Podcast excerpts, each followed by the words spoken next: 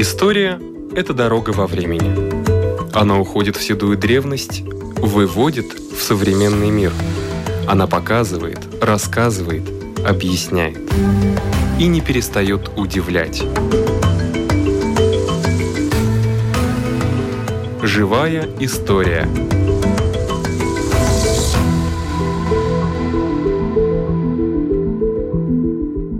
У микрофона Лидия Чера.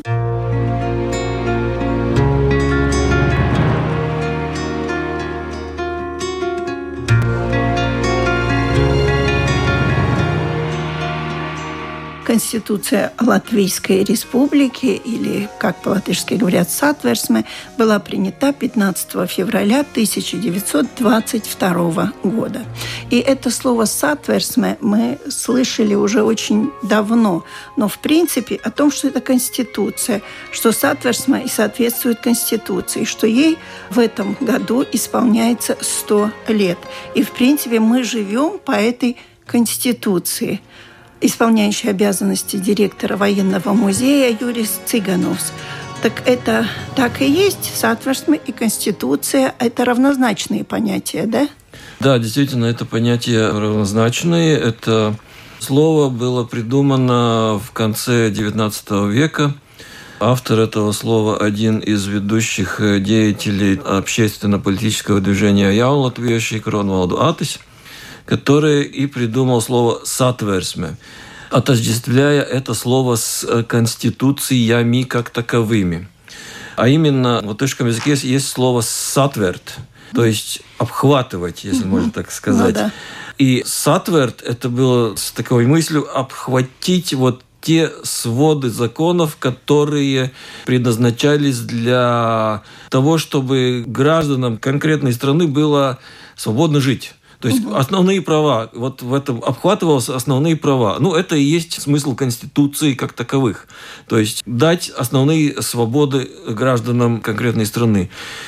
И уже в тот момент, когда вот эта сатверсме или Конституция была воплощена в жизнь именно в Латвийской республике, то слово «сатверсме» в латышском языке стало синонимом как раз латвийской конституции. Остальные конституции уже назывались словом «конституция» как таковой.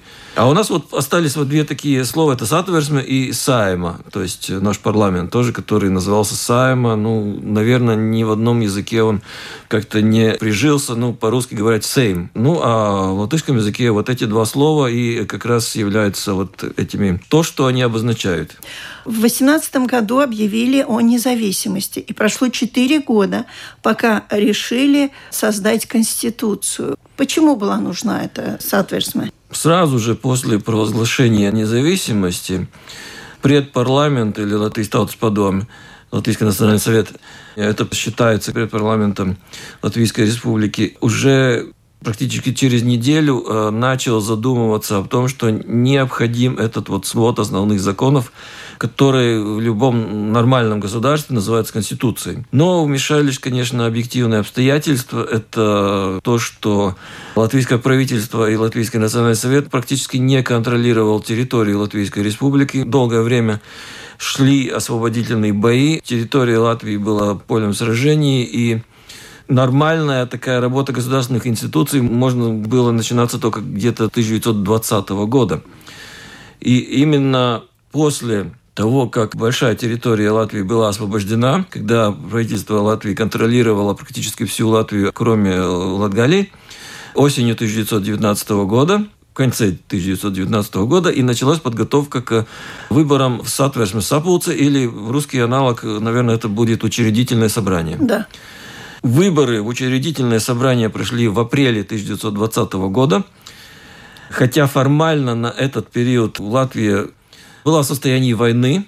С Советской Россией было достигнуто только перемирие, но не был еще заключен мир. И многие приграничные районы Латвии контролировались польскими, литовскими и эстонскими вооруженными силами. Но в подконтрольной территории Временного правительства и произошли вот эти выборы. И 1 мая 1920 года это первое заседание учредительного собрания Латвийской Республики. Но ну, Не мы... помните, сколько человек было в учредительном собрании? 130 или 150. Ну, где-то более ста. Более ста, да. Угу. И мы до сих пор 1 мая Латвийской Республики отмечаем не только как День труда, но и как день открытия учредительного собрания. Главный праздник у нас вот как раз этот. Два года просуществовало учредительное собрание, и как раз была та институция государственная, которая приняла самые главные законы, которые позволяли легимитизировать Латвийскую республику и были основой и юридической, и государственной основой Латвийской республики. Ну, конечно, во-первых, это как раз вот сатверсме или конституция. Но еще был целый ряд законов, которые были очень важны для молодого государства. Именно символика э, нового государства – представители верховной власти нового государства, то есть определилась с институцией главы государства. Именно с 1920 по 1922 год глава государства считался председателем учредительного собрания. То есть это было репрезентативно то же самое, что президент. Первый председатель учредительного собрания был Янис Чаксты, и он был и фактическим главой государства. Да. Конечно, будущий глава государства уже определялся в ходе дебатов про как раз Конституцию или про Сатверсме. Очень важно было то, что учредительное собрание приняло и аграрную реформу. То есть это закон, который поменял ситуацию в сельском хозяйстве Латвийской республики и выполнил то, что обещало правительство Карлиса Улманиса во время независимости, а именно обеспечил землей всех желающих, если можно так сказать. И ликвидировал э, те пережитки прошлого, которые были связаны с земельным фондом, а именно до Первой мировой войны большая часть земельного фонда была в руках чисто классово помещиками, да, но они, э, как правило, были или польскими, или немецкими дворянами, баронами. Аграрная реформа, это было крайне важно. Это была та основа, на которую опиралась и Латвийская республика в межвоенный период. Работа над э, Конституцией началась сразу же после созыва учредительного собрания, продолжалась два года, и вся Конституция в том виде, как она существует сегодня, конечно, с изменениями в настоящее время, она вот была принята как раз с 20 по 22 год. Большие дебаты, конечно, были насчет этого. И насчет президентской институции, например. Как известно, в учредительном собрании было два таких больших политических блока. Самое большое это была социал-демократическая рабочая партия Латвии, и второй по величине политический блок был Союз крестьян, Латышский союз крестьян. И, конечно, были еще очень-очень многие такие маленькие политические группы, в том числе и национальное меньшинство. Было 17 представителей национального меньшинства, но они были очень раздроблены, потому что не было единой политической платформы у нацменьшинства. Это были и русские, и евреи, и поляки – и у них не было единой платформы, так что они большой роли как раз вот в учредительном собрании не играли. По вопросу президентского поста и президентства как такового были очень большие разногласия как раз между крестьянами и социал-демократами. Социал-демократы считали, что президентский пост не нужен в демократическом государстве, потому что у всех было в памяти еще царское время. То есть они отождествляли президента с царем батюшкой – Союз крестьян считал, что президент нужен, но его нужно выбирать в всеобщих выборах всем гражданам Латвийской Республики. Был принят политический компромисс в том, что президентская должность выбирается как раз парламентом, или, как его назвали, Сейм, Сайма, и президентская институция является репрезентативной. То есть у президента нет политической ответственности. Если подписывается закон, то под подписью президента – обязательно должна быть подпись или министра-президента, или соответствующего министра. Президент только объявляет этот закон. Он его не принимает, и он политически его не репрезентативует. Также президент э, является верховным командующим вооруженной силы, но не армии, а именно вооруженной силы. Вооруженная сила – это айсерги, полиция, армия и пограничники.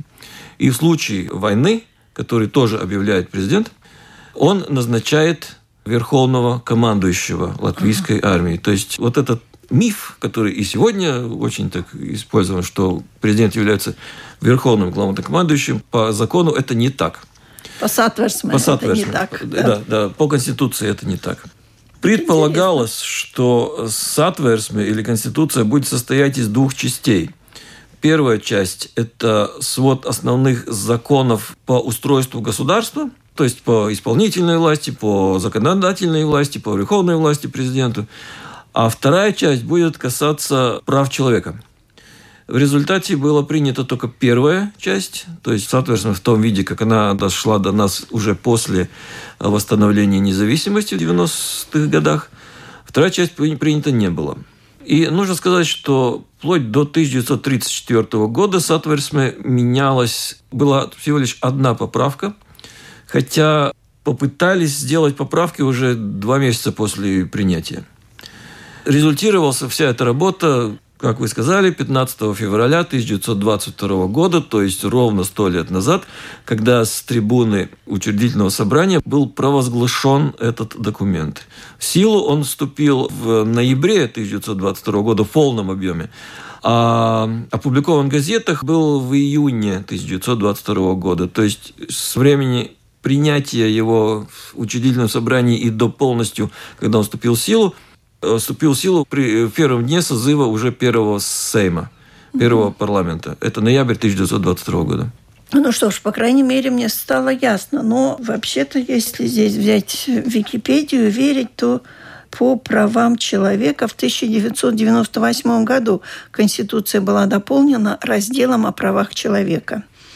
Это так, потому это что уже после... наши дни, скажем это так, это уже дни, не история. И в наши дни Конституция наша была правлено, ну, если не ошибаюсь, где-то 20 и, может быть, больше раз там поправок было внесено. Но, эм, конечно, с исторической точки зрения, вот нам, мне, например, больше интересно, вот это как раз старая редакция, да. межвоенная редакция. Ну, в 1934 году Сатверсма была приостановлена. Э, ну да, официально, переворота Ульманиса. Да, это переворот Ульманиса. Официально она не была отменена, но ее никто не брал в голову, если можно так сказать. Угу. Улманис, конечно, сказал, что он будет реформировать, но этого не было. Да, ну и советская конституция была, опять же. Пару слов о том, что именно в 1940 год, это год советской оккупации, и именно соответственно был тот документ, на который опиралась теория о продолжительности Латвийской республики де юре, то есть официально было то, что Латвийская республика не могла поменять свой статус без того, как прописано в Сатверсме. То есть не могли вступить куда-то без референдума, без общенационального голосования. А это было нарушено. И именно это было и тем, что контуитивно Латвийская республика существовала вплоть до 1991 года, когда восстановила свою национальную независимость. Это важно, конечно. Ну вот, 15 февраля, именно день, когда звучит наша программа, сто лет назад учредительное собрание приняла Сатверсме. Спасибо. У нашего микрофона был исполняющий обязанности директора военного музея Юрис Цыгановцев.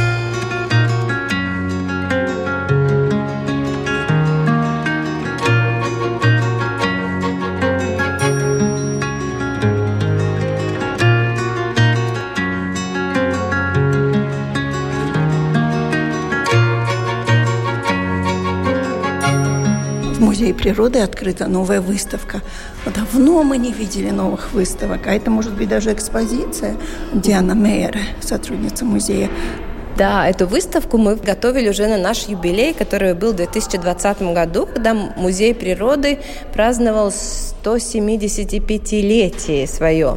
Но так как э, у нас разные были ограничения, то эту выставку так по-настоящему мы открыли только сейчас. Есть что посмотреть, скажем. Почему вы считаете, что коллекция музея около 400 лет, а не 175 или 177?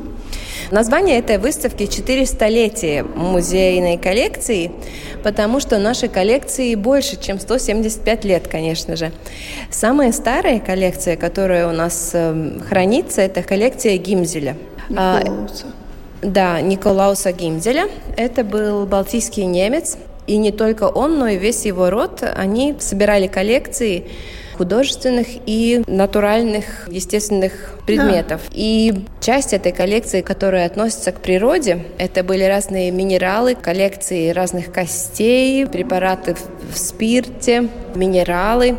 Эта коллекция попала к нам в Музей природы, и это одна из старейших. И к этой коллекции принадлежит и предмет, на котором у нас самая старая дата написана. Это 1725 год. И что это?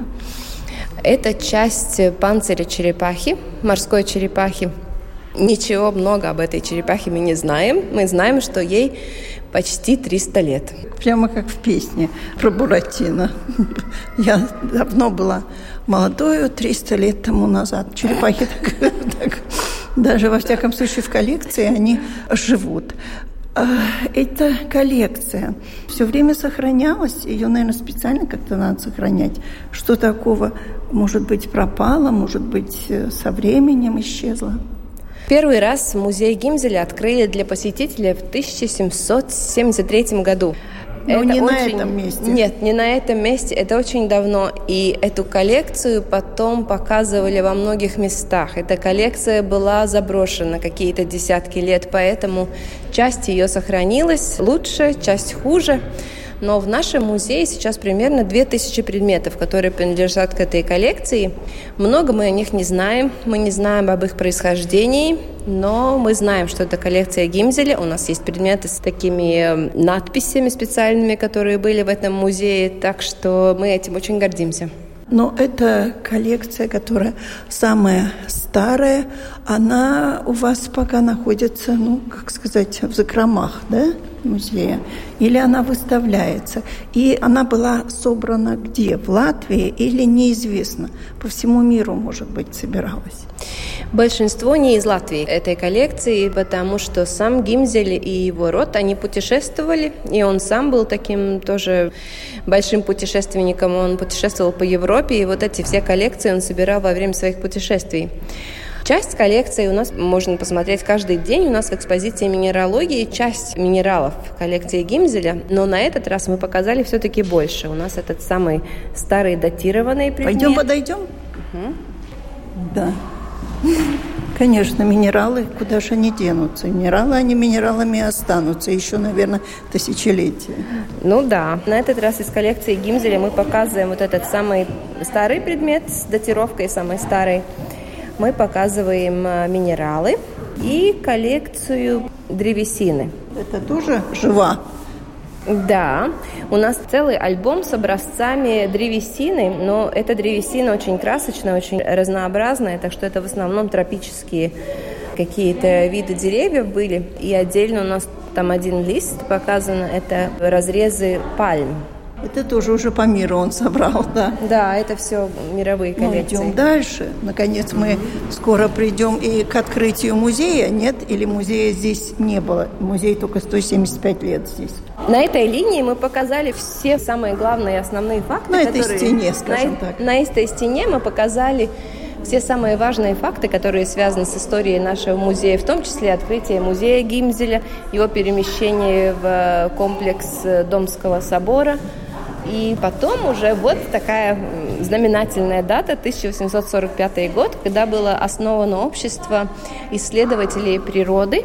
Это было общество балтийских немцев в основном, но там не только немцы, конечно же, участвовали.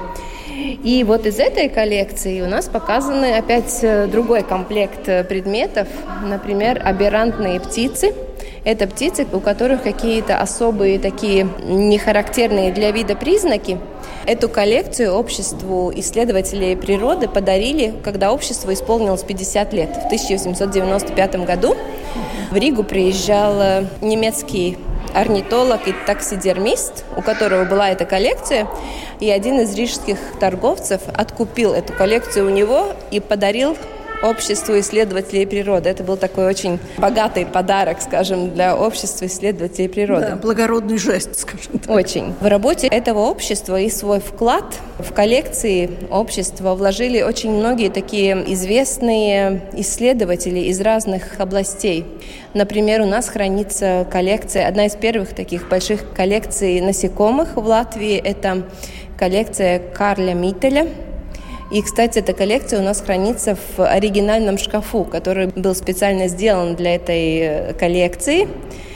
И в основном в этой коллекции разные жуки. Один ящик этой коллекции можно посмотреть на выставке. Да, вы тут собрали все самое-самое.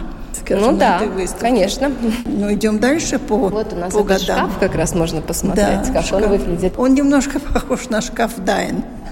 Да, Немножко немножко похож. Да, конечно. В основном этот шкаф хранится в другом шкафу, чтобы лучше сохранился. Мы его недавно реставрировали, так что это такая же историческая ценность. Сам шкаф тоже. Согласна, абсолютно. Но мы подошли к началу 20 века. Если мы ничего не упустили из 19-го, в общем-то, я так понимаю. А потом начался этот школьный музей, да? Да, параллельно Домскому музею, в который попали эти коллекции естествоиспытателей, исследователей природы Риги, был образован школьный музей. И главная задача этого музея была рассказывать, помогать учителям с разными предметами, которые они могли использовать в обучении детей истории, природе и разным другим наукам. И этот музей тоже начал собирать коллекции разных природных материалов, И вы опять Тоже? стали наследниками? Со временем, да. Параллельно в 1936 году из Домского музея были убраны все коллекции природы. У них остались только исторические археологические коллекции, а вот природные коллекции, которые принадлежали до этого и Рижскому обществу исследователей природы, и коллекции Гимзеля, они все были перевезены в Вестура Дарс, в такое небольшое помещение, и там не было таких больших помещений для показа коллекции, но музей все-таки действовал. И даже во время Второй мировой войны э, музей был открыт для посетителей, и даже тогда его посещали. Уникальная фотография, которую я видела уже в интернете. Видела вот эта фотография, где перевозят лось, кабан и еще что-то. Это же, конечно... Человек. Да, и человек между ними. Но это же не живые животные. Да, это предметы нашей коллекции во время перевоза их из этих э, помещений в Вестура, Дарс, когда их перевезли сюда. Здесь уже находился школьный музей, и коллекции из Вестурдарза привезли сюда, объединили, и в этот момент образовался Латвийский музей природы, или, как его тогда называли, Латвийс ПСР Дабас музейс. Музей природы Латвийской ССР. Ну да, 51 год, что вы хотите. Вот начала музыка звучать, это такой познавательный фильм как раз об эпохе 400-летней истории создания музея природы. Да. Ну и потом уже, можно сказать, наша история уже одно направление у нас образуется. Мы делаем новые экспозиции. Я помню музей природы, я все-таки постарше вас, Диана. Я помню, что на последнем этаже были эмбрионы. То есть то, что вообще сейчас в анатомике находится. А мы ходили и смотрели, как развивается детеныш человека тоже. Это была совсем не свойственная ни птицам, ни энтомологам. Эта экспозиция была открыта до лета прошлого года, так что совсем недавно Да? еще можно было посмотреть этих эмбрионов. На данный момент она закрыта в связи с реконструкцией. Ну да, начиная с 50-го года экспозиции были образованы, их меняли, иногда менялось содержание, иногда только название.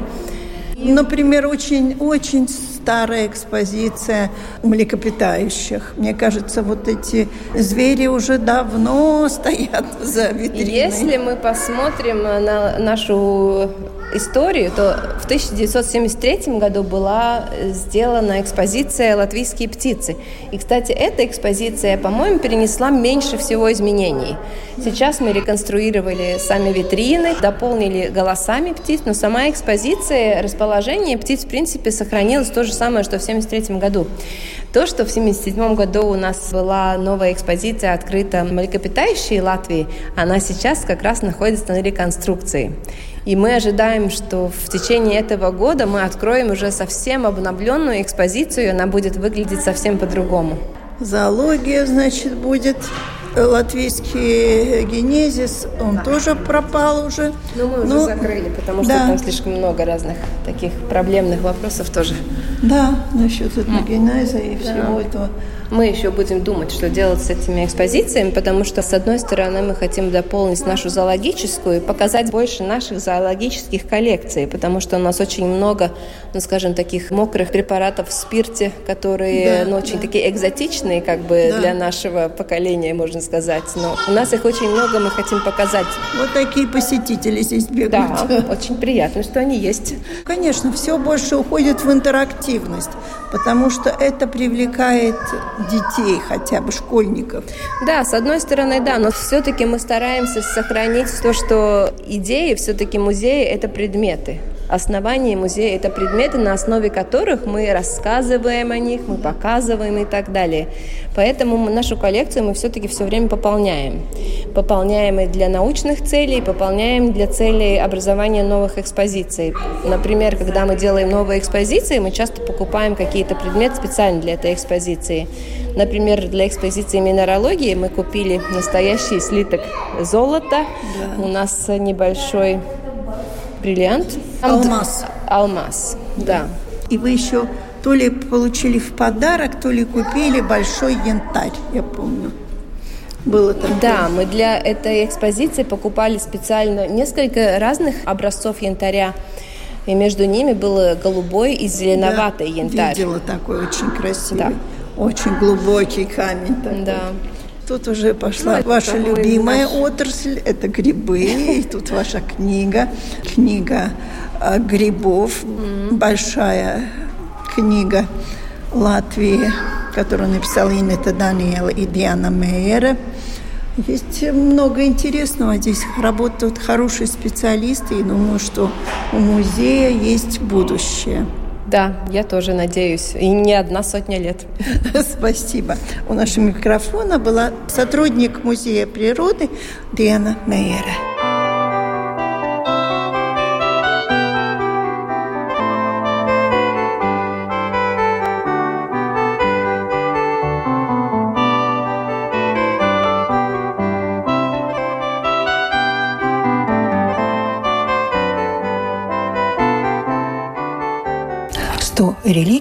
Истории Латвии рассказывает Ирина Зайбарде. Один из предметов в списке реликвий – это наиболее, наверное, известный предмет, о котором вспоминают люди, когда идет разговор о латышской народной одежде – это пояс Lielvārde, Lielvārdes josta. Lielvārdes josta – название по названию волости в Латвии на берегу Даугавы, но надо сразу определить, что пояс Lielvārde распространен не только на территории теперешней волости Лелварда.